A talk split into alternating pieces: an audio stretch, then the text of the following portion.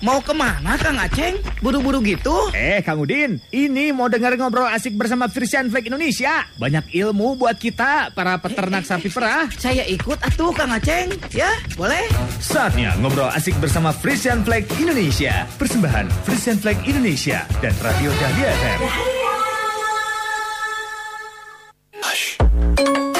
101,5 Dahlia FM Bandung Gayang Sikasik Assalamualaikum Wargi Dahlia. Assalamualaikum kawan peternak semuanya. Apa kabarnya malam ini? Mudah-mudahan semuanya dalam keadaan sehat Dalam keadaan bahagia juga ya. Hari ini di hari Jumat Seperti biasa di tanggal 24 September 2021 Setiap dua minggu sekali Baby alias selalu hadir bersama dengan Radio Buara Frisian Flag Indonesia. Nih apa kabar buat kawan peternak yang ada di Lembang Pangalengan Jawa Timur juga Yang lagi pada pantengin via frekuensi 101,5 ataupun via live Instagram dan juga live Facebooknya Radio Dahlia FM ya.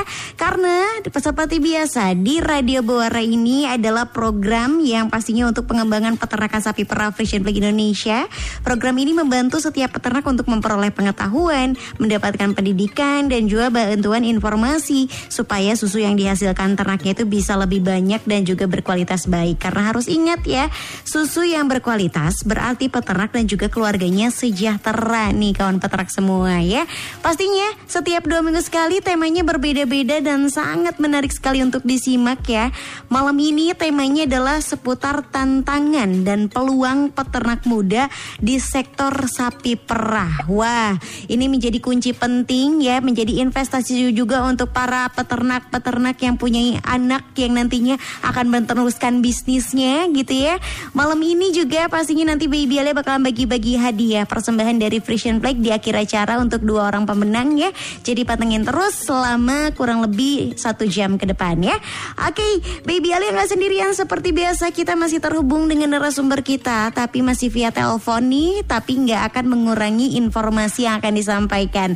Malam ini Baby Ale ditemani kembali sama Bapak Syamsul Arifin selaku DDP Supervisor Jawa Barat PT Frisian Flag Indonesia. Halo, Wilajeng Wengi Pak Syamsul. Halo, Willy Jongi teh. Oke, Ya, ya. kita ketemu lagi. Gimana kabarnya nih Pak malam ini? Alhamdulillah baik, baik, baik. Alhamdulillah. Boleh disapa dulu nih kawan peternaknya Pak Samsul, mangga?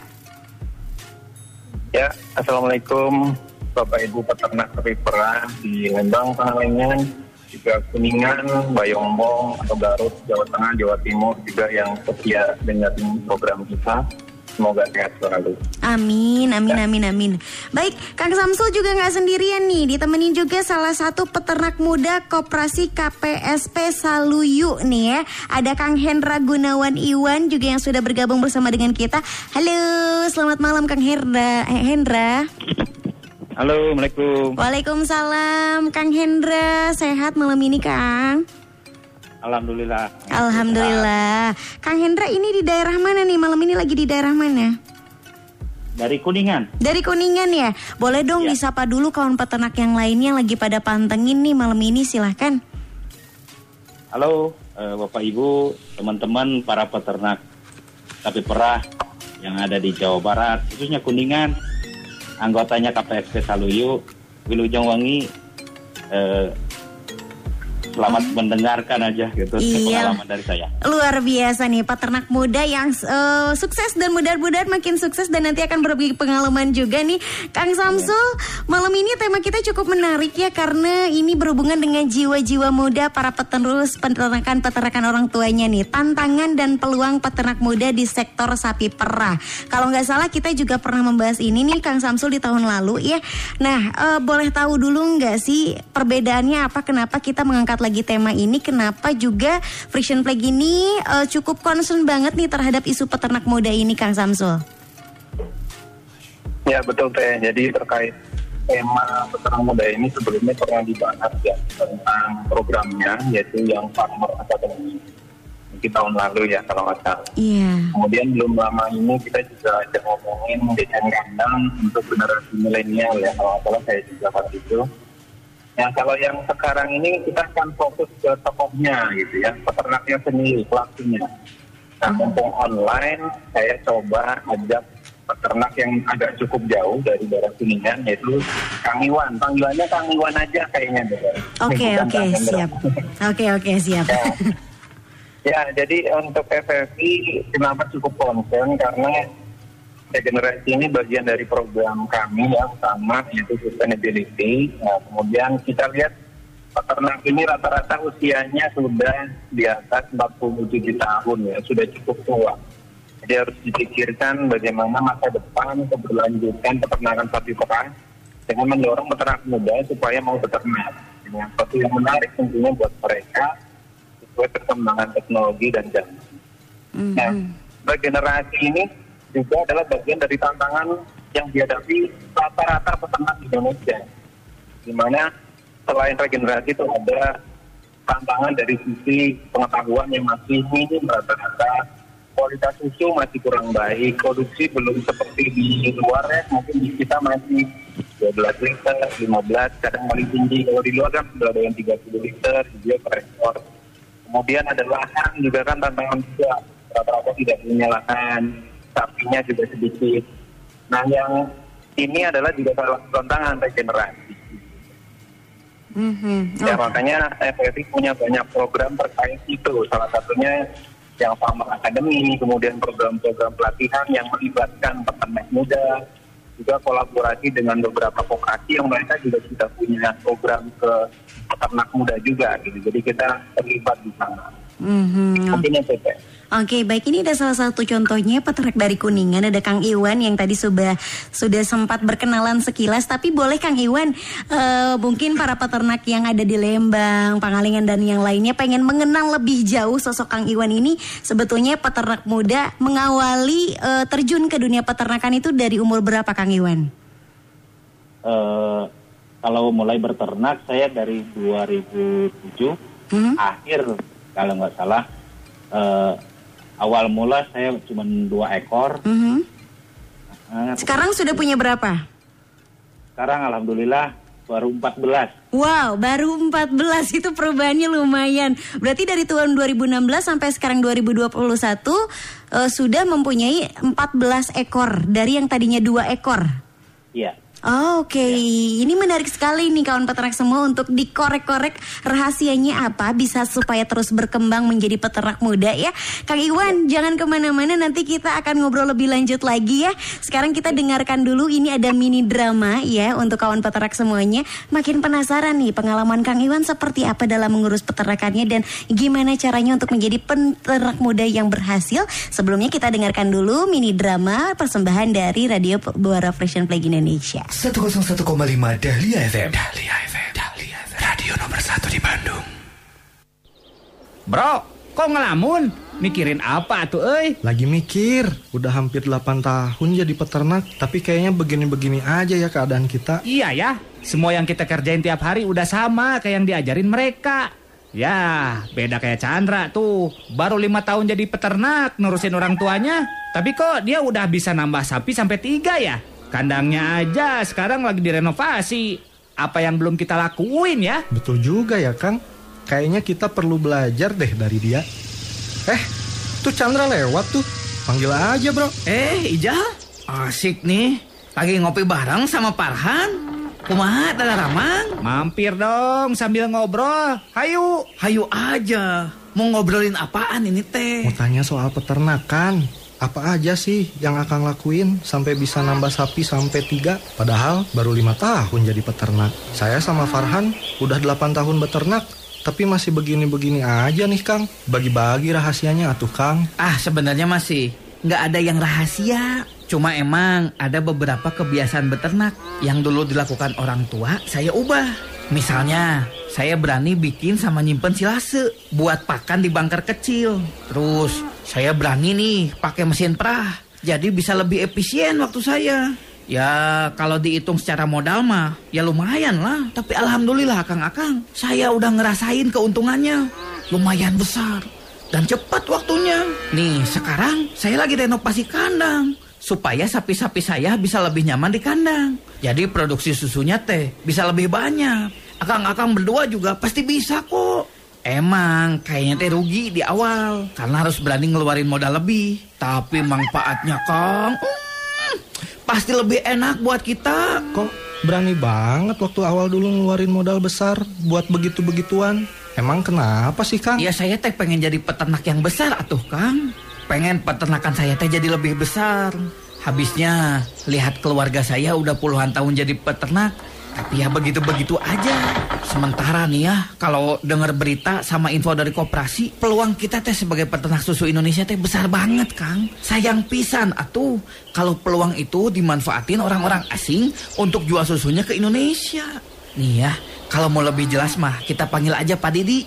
Itu geningan, orang koperasi yang sering kasih penyuluhan.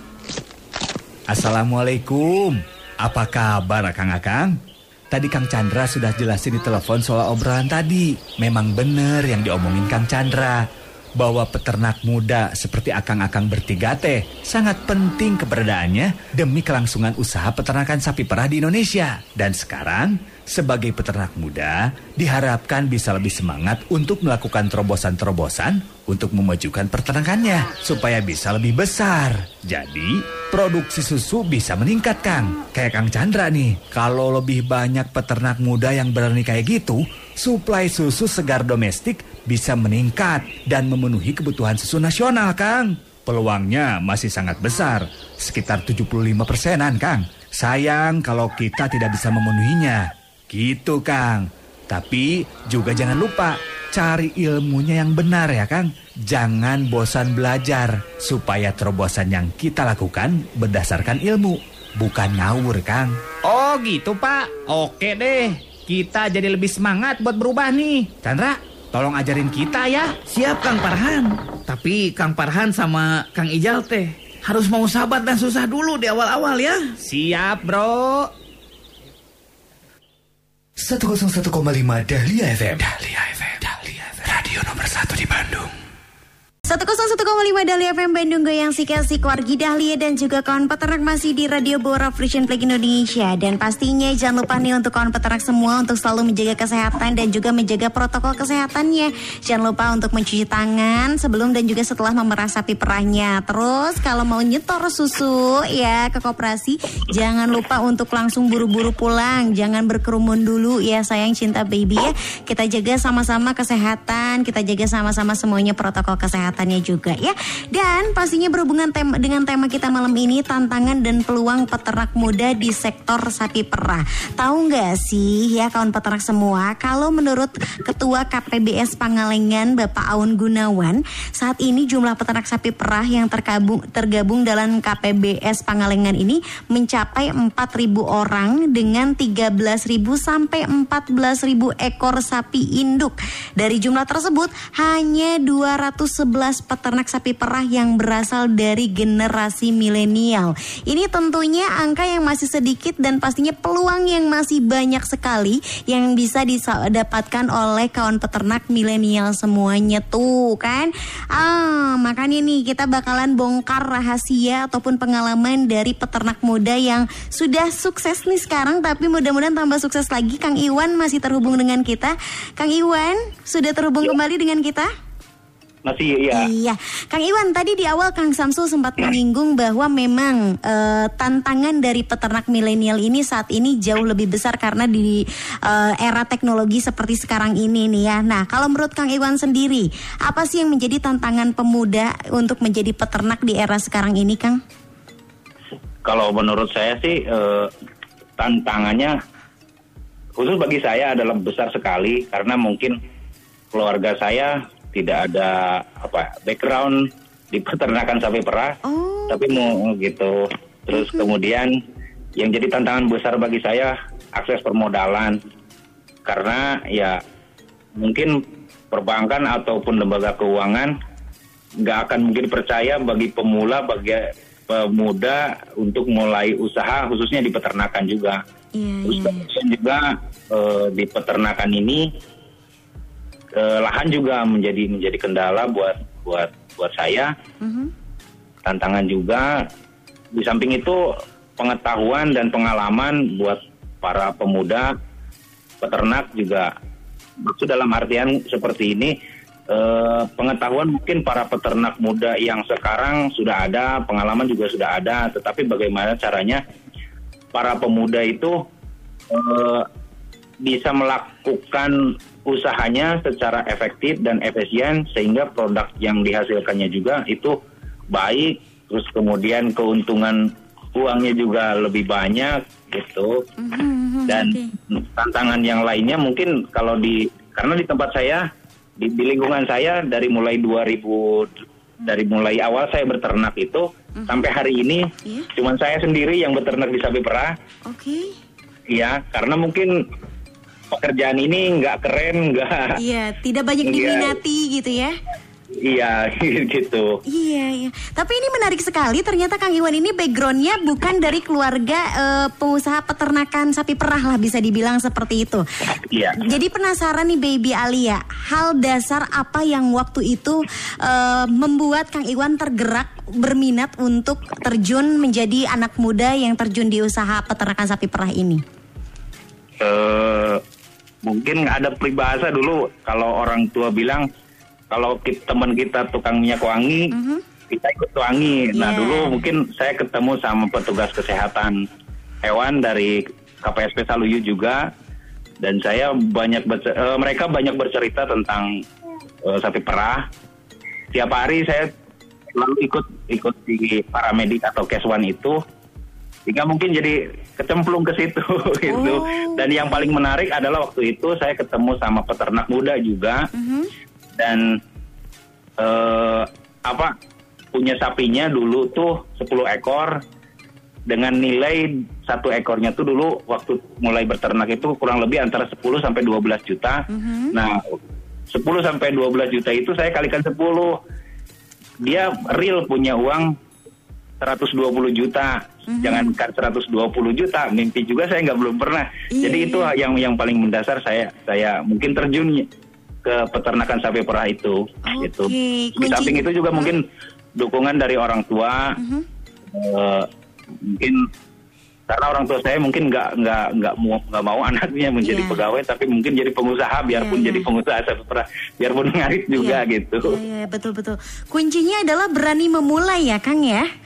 Iya. Iya luar biasa. Kang Samsul ini menarik sekali nih Kang Samsul ya Dari sosok Kang Iwan ini. Selain bahwa dia memulai peternakan di usia muda Dari nol tanpa basic keluarga di dunia peternakan sapi perah Ada hal menarik apa lagi nih yang membuat FFI ya Melihat Kang Iwan ini sebagai role model Yang bisa diadaptasi oleh peternak muda yang lainnya Kang?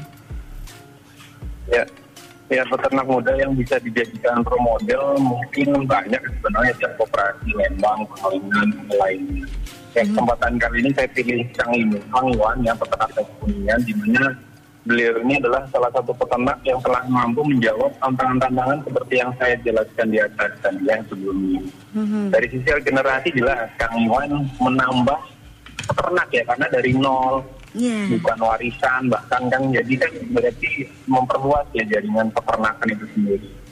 Kemudian dia juga dari pengetahuan walaupun di awal beliau ya tidak ada pengalaman bukan dari orang tuanya atau turun temurun ya tapi beliau dari belajar belajar terus menerus ikut berbagai pelatihan gitu ya baik dari Iya. Fusion Plate maupun dari lainnya bahkan kalau saya bisa bocorin Kang Iwan ini udah pernah ke luar negeri baik ke New Zealand ke Belanda gitu ya ke Wow. pelatihan juga Keren Oh, ya. keren. Jadi udah banyak sekali ilmu yang didapatkan sama beliau dan yang penting beliau ini menerapkannya di kandang gitu ya sehingga pada akhirnya tantangan-tantangan yang lain seperti produktivitas sapi perah yang pada umumnya di kuningan mungkin hanya 12 juta beliau bisa di atas 15 bahkan hampir 20 saya saya ingat saya dulu saya ke sana.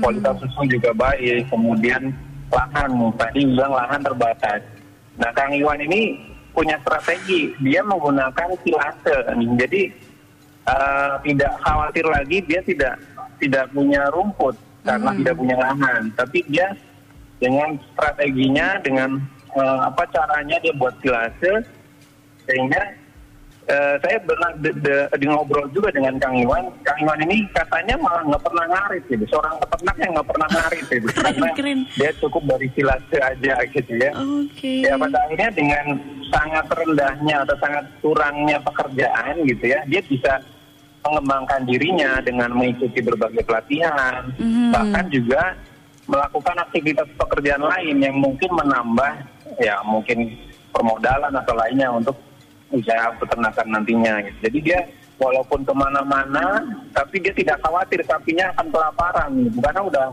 udah siap semua di sana gitu. Oke, dengan segala keterbatasan semua bisa teratasi ya. Dan pastinya ini juga banyak sekali pertanyaan dari kawan peternak semua yang menjadi inti dari beberapa pertanyaan yang sudah masuk di 08112221015. Ini bertolak belakang dengan Kang Iwan ya yang memulai semuanya dari nol. Ini beberapa peternak bertanya nih Kang Samsul. Kang katanya boleh minta tipsnya enggak? Tantangan terberatnya adalah untuk meyakinkan para pemuda anak mudanya supaya mereka mereka yakin bahwa beternak itu menyenangkan dan juga mempunyai aset besar untuk masa depan agar tidak uh, agar dari muda sudah bisa beternak, bukan hanya meneruskan bisnis orang tua saja, tapi harus bergelut juga dari sekarang pada saat orang tuanya masih aktif beternak katanya seperti itu. Ini tantangannya seperti apa atau ada tips-tipsnya Kang Samsul ya dari para peternak yang banyak uh, mungkin kesulitan untuk meyakinkan para penerus-penerusnya Kang? Ya, ya memang tadi tantangannya sangat banyak ya. Jadi uh, para orang tua atau peternak yang uh, nantinya akan menurutkan ke anaknya tunjukkan bahwa peternak itu mudah ringan gitu praktis bahkan mungkin lebih menguntungkan gitu ya dibanding peternak pada umumnya. Mm-hmm. ya dengan cara tadi uh, terus teruslah belajar saling berbagi pengalaman dengan peternak lain atau ikuti pelatihan dari program mungkin dari Vision Fight atau dari koperasi sehingga nanti uh, apa yang kira-kira bisa dibuat lebih efisien efektif itu bisa diterapkan dan akan menarik uh, para generasi mudanya atau anaknya ya karena yang kita tahu kan uh, generasi sekarang ini kan pengennya yang praktis, iya. pengennya yang bersih, yang simpel gitu ya. Ya buatlah seperti itu jangan sering-sering memandikan sapi contohnya kan karena memandikan sapi juga berat. Terus mm. perah dengan cara pakai mesin ya cobalah pakai mesin. Kemudian tadi tidak perlu ngarit kayak Kang Iwan. Cobalah bikin silase atau mungkin yang lainnya yang tidak perlu ngarit sehingga nanti anak-anak e, peternak ini juga akan tertarik ke sana. Karena ya balik lagi apa yang mereka tidak suka sih sebenarnya dari beternak gitu kan kan sebenarnya aktivitas itu. Tapi kalau keuntungan kan pasti semua orang ingin, termasuk anak-anaknya kan juga ingin ya punya keuntungan, gitu ya punya punya penghasilan hmm. yang bahkan bisa dibilang jadi bos sendiri, di hmm. apa ya, jadi bos sendiri ya. Kalau kayak saya kan seorang karyawan, saya mungkin tes dari realnya juga karyawan gitu ya. Yeah, yeah, Kita betul. bekerja untuk orang. Mm-hmm. Kalau beternak ini kan jadi jadi bos ya, jadi pemilik gitu, owner gitu. Jadi mm-hmm. berbangga lah pasti mm. kalau kalau nanti bisa seperti itu gitu ya. Mm, bisa diartikan orang tuanya memberikan contoh terlebih dahulu ya supaya nanti anak-anaknya juga oh iya ya jadi peternak itu enak dan juga menguntungkan gitu ya supaya bisa lebih tertarik. Oke, baik. Ini ke pertanyaan berikutnya yang sudah masuk di 0811 1015-nya. Uh, ada Kang Ujang Ondi dari TPK Gunung Putri ke PSBU Lembang katanya. Mau tanya nih sama Kang Iwan. Banyak sih sebetulnya para pemuda yang ingin memulai bisnis peternakannya namun terkendala oleh lahan. Gimana nih caranya untuk mengorganisasi atau ada nggak lembaga yang mengenangani masalah ini atau ada tips lain untuk keterbatasan lahan ini? Mungkin dari Kang Iwan sepengalamannya Kang Iwan terlebih dahulu kan di awal keterbatasan lahan tuh tadi yang ada di pikiran Kang Iwan pada saat itu apa Kang Iwan untuk berani terus uh, maju gitu untuk menjadi seorang peternak muda? Uh, awalnya saya dulu beternak itu kan berdasarkan cerita dari teman-teman yang sudah mulai beternak misalnya kasih pakan jerami padi, ampas tahu, konsentrat dari koperasi juga. Nah kemudian sering diajak pelatihan baik dari FFI pun dari koperasi juga sama seperti itu. Nah eh, yang yang yang jadi perhatian saya dulu waktu itu karena mungkin Allah nyiptain sapi itu eh, harus makan rumput gitu. Hmm. Nah kemudian saya sewa lahan punya miliknya desa ditanamin rumput tapi ada banyak beberapa petani juga kurang senang dengan dengan lahannya. Karena saya sewa lahan lahan lahan produktif buat lahan pertanian gitu. Mm -hmm. dan itu memang jadi kendala buat saya juga. Akhirnya saya tanamin jagung dua kali tanam tanam jagung kemudian saya chopper bikin silase. Itu kali kedua saya disebut gila mungkin sama orang eh, kampung. Itu orang-orang desa saya. Jadi dari itu tuh kemudian saya berpikir lagi bagaimana cara men- men- mendapatkan itu pernah saya juga ber, bermitra dengan para petani intinya begini eh, awalnya dulu saya berbagi lah gitu jadi kalau misalnya berbagi rezeki petani nanam jagung saya beli jagungnya gitu akhirnya kan itu jadi jadi lingkaran ataupun Rantai eh, suatu- yang saling iya, gitu. ya. Mhm. Ah, ah, kayak gitu. Jadi jadi petani juga untung, saya juga untung tidak perlu ngarit. Tetapi kemudian eh, banyak kendala juga. Kendalanya yaitu petani ketika harga jagungnya itu mahal, mereka jualnya ke orang, sementara ke saya tetap aja segitu. Jadi akhirnya lepas lagi. Nah sering kemudian eh, akhirnya sampai hari ini juga saya tetap masih pakai silasi jagung. Kemudian di daerah saya itu dekat dengan sentra jagung manis. Ya. Nah itu kurang lebih dua setengah jam dari tempat saya itu, itu sepanjang tahun ada limbah eh, pohon jagung dari daerah Cirebon Timur gitu. Nah itu saya di- disuplai sampai sa- sehari-hari ini gitu sehingga itu menjadi apa ya link yang yang kuat bagi saya.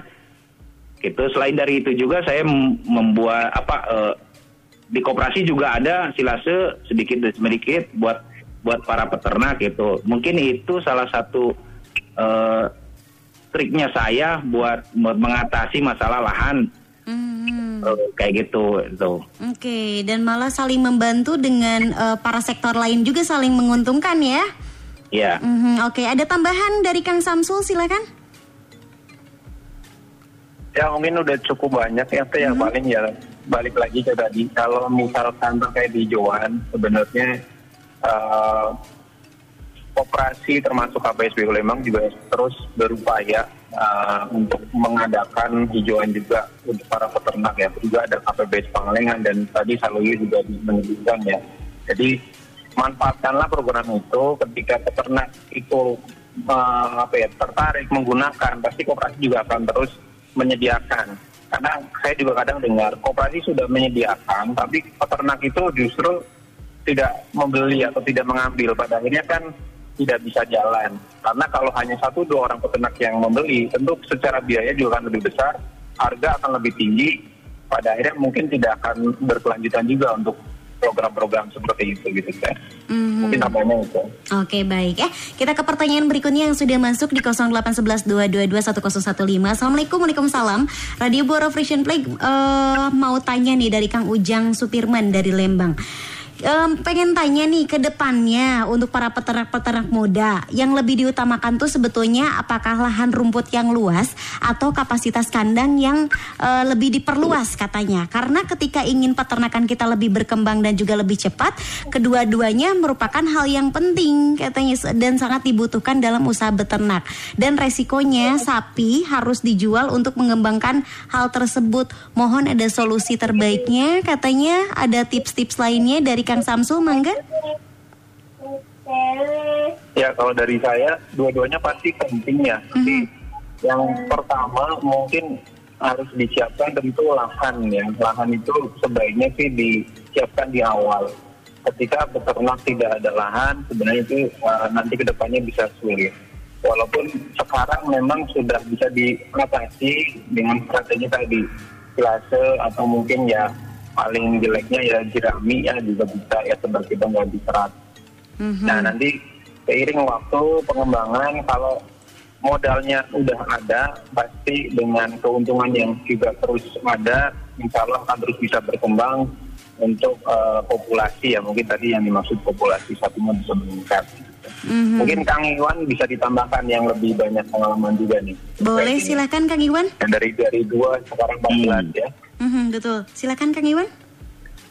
Eh, Memang benar kata Kang Samsul tadi dua-duanya penting, tapi menurut saya eh, pakan dulu yang yang baik dan yang benar. Karena pengalaman saya dulu saya sempat di hampir 30 ekor. Dan itu 30 apa setiap tahun itu pasti ada yang mati. Ataupun setiap bulannya ada yang sakit belanja obat gitu.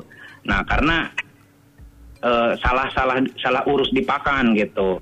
Nah, kemudian saya ketemu lagi sama sama jadi saya tuh sukanya suka ngobrol sama para peternak yang sudah tua-tua gitu. Iya, iya, iya. Uh, nah, mereka cerita zaman dulu tapi nggak pernah ada yang ambruk, ada kayak model apa uh, asidosis ataupun LDA atau apa pun gitu, Ten. Nah, karena apa? Karena mereka kasih pakannya yang memang kodrat dari Allahnya makan rumput bukan makan konsentrat. Nah dari situ saya mulai berpikir bahwa Oke. saya harus menyiapkan rumput lebih banyak dari dari dari dari yang biasa saya lakukan. Nah kemudian di 2014 eh, saya mulai mulai di di di silase itu dan sampai hari ini saya masih menggunakan silase.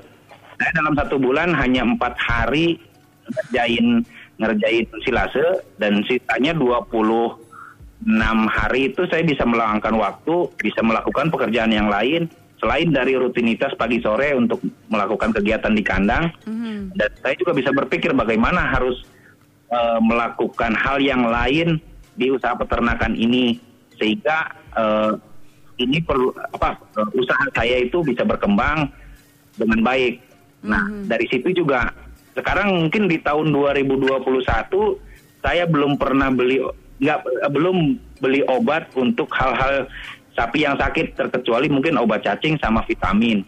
Dulu waktu sebelum pakan nggak ben eh, apa sekarang sih juga belum benar 100% tapi upaya itu terus saya lakukan dan tahun ini saya belum pernah beli obat sampai sapi ambruk, sapi sakit seperti apa enggak gitu. Bahkan cukup cukup baik. Bahkan si eh, apa siklus birahinya juga dia lebih teratur, lebih cepat gitu. Anak sapi sampai sehat gitu. Ada memang kendala kalau memang eh, banyak di banyak di hijauan, produksi susu tidak sebanyak yang diberikan konsentrat ataupun ampas tahu yang banyak itu. Tetapi itu juga ada ada ada sisi negatifnya kalau memang misalnya diberikan apa eh, konsentrat ataupun ampas tahu yang lebih gitu tuh. Dulu saya pernah waktu dapat pelatihan eh, ada dikasih apa ya kayak ada lima prinsip sih lima prinsip kesejahteraan hewan gitu. Salah satunya yaitu eh, lepas dari haus dan lapar, terus lepas juga bebas dari rasa sakit dan disakitin, terus juga penganiayaan ataupun penyalahgunaan, terus dia juga bisa si hewan ternak juga harus mengalami ataupun melakukan perilaku yang alaminya sebagai binatang, terus bebas juga dari perlakuan kasar. Nah, saya waktu itu berpikir bahwa dengan memberikan konsentrat ataupun eh, selain dari rumput itu juga merupakan salah satu eh, penyalahgunaan kodratnya si sapi itu gitu tuh. Menurut saya gitu. tuh. Nah, akhirnya waktu itu saya berubah Eh, yang tadinya mau belanja konsentrat, akhirnya saya belanja untuk rumput itu men- men- mensiasati keterbatasan lahan saya juga gitu. Mhm, Oke baik ya. Oke ini pertanyaan berikutnya dari Teh Desi dari TPK Cibodas KPSBU Lembang katanya. Seperti yang tadi sudah dijelaskan sama Kang Samsul ya bahwa peternak muda tuh pengennya kandangnya yang bersih, kandangnya yang modern gitu ya.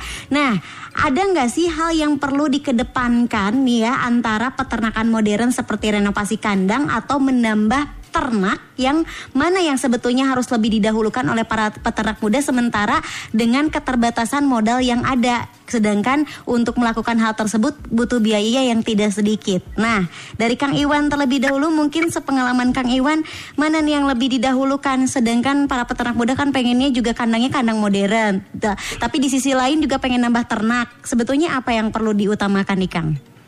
Yang paling diutamakan saya menurut saya sih eh, kandang butuh yang nyaman. Mhm. Bukan mod- kalau kalau menurut saya sih bukan bukan modern gitu, tapi nyaman, cocok buat si sapinya gitu. Misalnya contoh sering dilihat di YouTube YouTube di di, di, di luar negeri seperti itu, dia kan bebas. Nah, eh, dia bisa sapi itu seperti tadi lima prinsip itu bisa ter, ter- teratasi gitu. Eh, sehingga apa yang kita harapkan satu sapinya lebih sehat, kedua produksinya juga bisa optimal gitu.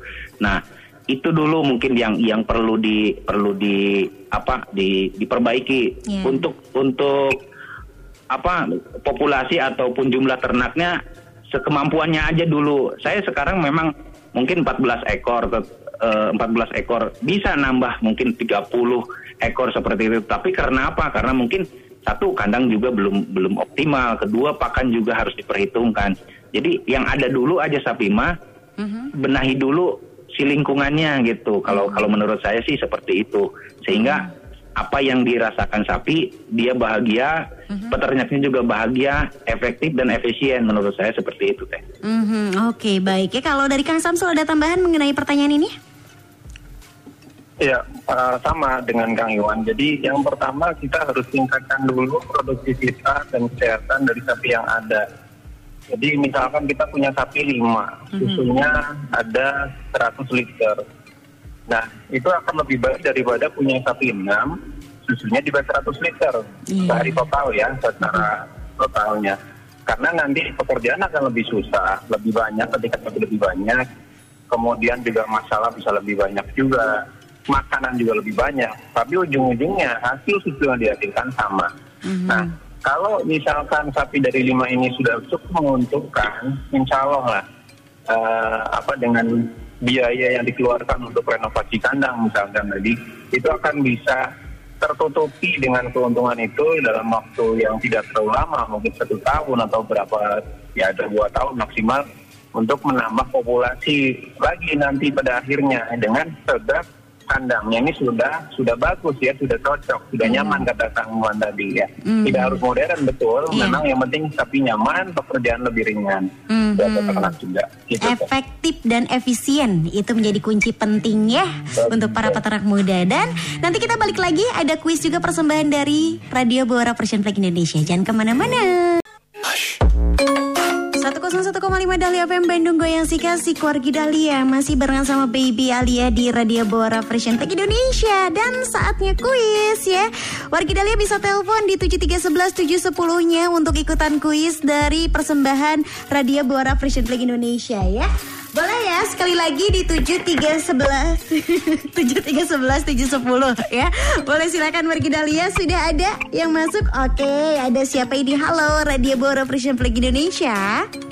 Halo, Asik atuh. asik atuh tung ah go go go ya. Sama siapa Teteh Cantik? Ira tuh beb. Teh Ira di Cipeje. Ya. Iya. Teh Ira pertanyaannya gampang banget nih ya. Iya, sebutkan. Coba sebutkan salah satu yang dilakukan oleh Fresh Flag Indonesia dalam menjawab tantangan dalam bidang regenerasi peternak muda seperti yang tadi sudah dijelaskan sama Kang Samsul. Satu aja. Ada Sebutkan program satu. apa? Iya. Program ini itu tuh itu. Itu ya tadi deh. Tangan untuk follow eh tuh. Apa? Coba ayo. Program apa? Eta eh beb. Mm. Oke. Program mendorong peternak muda ya. Mm-mm.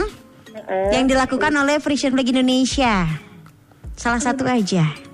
Oke, kita kasih pilihan deh Kang Ya, Samsul ya Beb, boleh ya. A. Summer to summer, B. Farmer to farmer, C. eh C. Kabogoh jauh. apa jawabannya? Sabar ya. B. Ya. B teh apa tadi? Ya apa tadi sabar tuh samar eh apa? Dinu app, tinu app naon? Samar tuh samar. naon eta teh program naon? Atuh beb. Samsul kasih aja hadiahnya ini. Tukang Samsul. gimana Teh Baby aja lah Aduh, Ah, arunya cina ini jauh-jauh. Cek. Siapa tuh Teh Ira hadiahnya bisa diambil ke Radio Dahlia di jam kerja ya. Siap makasih beb. Siap, panteng radio.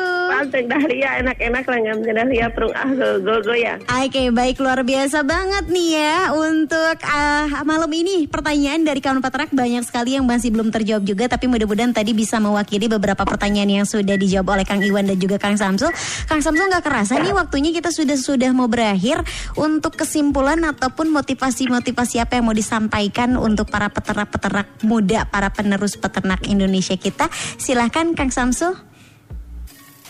Ya, ada banyak tantangan ya, dan setiap tantangan pasti ada peluang buat para peternak sapi perah di Indonesia. Mari buktikan Bapak Ibu peternak, atasi tantangannya, ambil peluangnya, terus belajar, praktekkan di kandang, buktikan ke generasi muda kita bahwa peternak itu tidak harus capek, tidak harus kotor, bisa mudah, bisa ringan, dan menguntungkan. Sehingga nanti para generasi muda bisa dapat tertarik untuk meneruskan dan mengembangkan peternakan sapi perah Bapak Ibu semua gitu. Mhm, amin amin siap ya. Kalau dari Kang Iwan, Kang Iwan ini sebagai peternak muda yang banyak sekali terobosan, boleh diulangi lagi terobosan-terobosan poin-poin yang sudah dilakukan Kang Iwan dan akhirnya berhasil apa saja supaya nanti bisa dicontoh sama kawan peternak muda yang lainnya. Hmm, mungkin saya lain daripada yang lain. Mhm. Saya sudah menggunakan silase, eh, terus kemudian saya juga mau melakukan investasi beli eh, mesin perah. Dulu waktu memang pertama kali saya pakai mesin perah banyak di apa ya dicibir kalau misalnya itu Pak, ada yang banyak yang nyinyir. Mhm. Buat apa beli mesin perah? Sapi yang diperah cuma empat ekor dulu tuh. Mhm. Tetapi saya berpikir bahwa mau sampai kapan saya harus merah pakai tangan sementara eh, dibutuhkan waktu yang cepat juga untuk memerah sapi gitu. Mhm. Oke, itu in- inovasi-inovasi yang sangat luar biasa dan PR ataupun harapan nanti ke depannya yang menjadi PR Kang Iwan yang akan dilaksanakan untuk di masa yang akan datang di kandang Kang Iwan apa yang sudah akan dipersiapkan? Mungkin pengembangan di silasenya juga satu, kemudian eh, renovasi kandang yang menurut saya nyaman eh, bagi peternaknya dan bagi ternaknya sendiri. Contoh misalnya kandang freestyle kayak gitu yang sapinya kadang saya eh, sapinya lepas gitu nggak diikat sepanjang umur hidupnya kadang saya juga suka kasihan lihat sapi dari mulai dia lahir sampai dia di akhir juga itu tetap diikat gitu Iya. ada ada ada mungkin eh, apa ya itu hewan ternak gitu Mhm. jadi kok harganya mahal juga menurut saya antara 20 sampai 25 juta itu cukup besar gitu Ya. Nah, uh-uh, gitu. Kok di di apa ya didiskriminasikan dengan hewan peliharaan eksotik misalnya kayak Iya, kucing, iya, anjing seperti itu. Mereka dilus-lus di kayak gitu. Nah, sementara ini sapi sapi kita ngasilin duit buat kita tetapi kok sepertinya di, di, di apa ya diabaikan kesejahteraannya kayak gitu. Itu kemudian juga mungkin eh, kalau kandangnya sudah sistem lepas kayak gitu punya rumah perah sendiri kemudian fasilitas pendingin untuk susunya juga sendiri biarpun kecil juga nggak apa-apa tetapi itu juga menjaga kualitas dari produk yang dihasilkan dari kandangnya itu sendiri gitu. Oke baik. Sebagai penutup Kang Iwan boleh ya terakhir untuk memotivasi para peternak-peternak muda untuk mau berani memulai dan mencoba apa yang mau disampaikan Kang Iwan? Eh, kalau menurut saya sih ingat kemarin waktu hari apa ya gitu saya di, di- dikasih undangan sama Mas Samsul eh, tentang apa ya webinar Kartini eh, peternak Indonesia kayak gitu. Nah di situ ada peternak dari Belanda eh, perempuan juga dia bilang bahwa di Belanda juga para peternak itu harus harus apa ya harus harus mau tahu gitu jadi eh, biar apa ya terus aja mau mau mau pengen tahu semua hal tentang peternakan. Entah itu pakan entah itu sapinya sendiri entah itu fasilitas di kandang seperti itu. Sering bertanya dan menurut Kang Samsul juga katanya di Belanda juga eh, para peternak tuh seneng seneng ngumpul seneng ngobrol tentang peternakannya gitu. Nah saya eh, buat para peternak jangan jangan bosan-bosannya buat tanya toh kandang si A sama kandang si B pasti perlakuannya berbeda. Ada hal yang positif ada hal yang negatifnya juga. Bisa dikombinasikan juga buat diri kita buat buat di kandangnya kita juga sendiri. Yang penting eh, itu tetap efisien efektif dan tetap mau terus belajar dan terus berusaha gitu aja Oke, sepanjang obrolan selama satu jam yang saya tangkap dari sosok Kang Iwan ini adalah orangnya mau belajar dan mau mengaplikasikan ilmu yang sudah dipelajarinya di kandang. Betul, setuju Kang Samsul ya? Sekali. Oke, baik. Terima kasih banyak untuk obrolan kita malam ini sangat bermanfaat sekali. Kang Samsul hatur nun pisan ya sudah meluangkan waktunya. Terima kasih juga Kang Iwan. Sukses selalu peternakan sapi perahnya Kang Iwan ya. Amin terima kasih Siap, sami-sami. Selamat malam Kang Samsul Kang Iwan.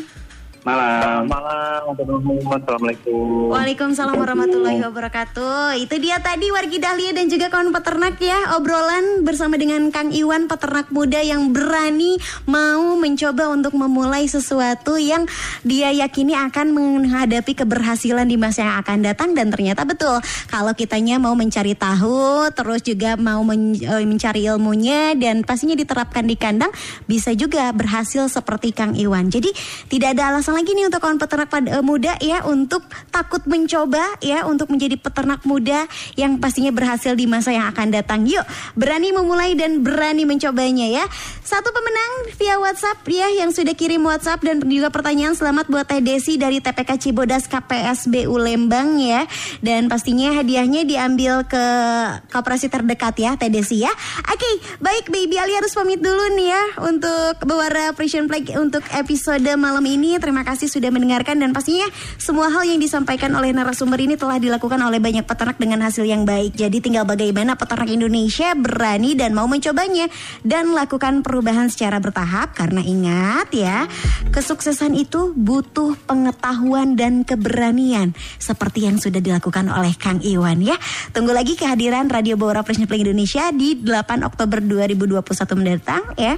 Mudah-mudahan pembahasan kita malam ini bermanfaat. Baby Alia pamit undur diri dan kita ketemu lagi sebentar lagi di KIP Dahlia. Panteng Radio Panteng Dahlia, enak-enak langgamnya Dahlia, perung aku gogo goyang.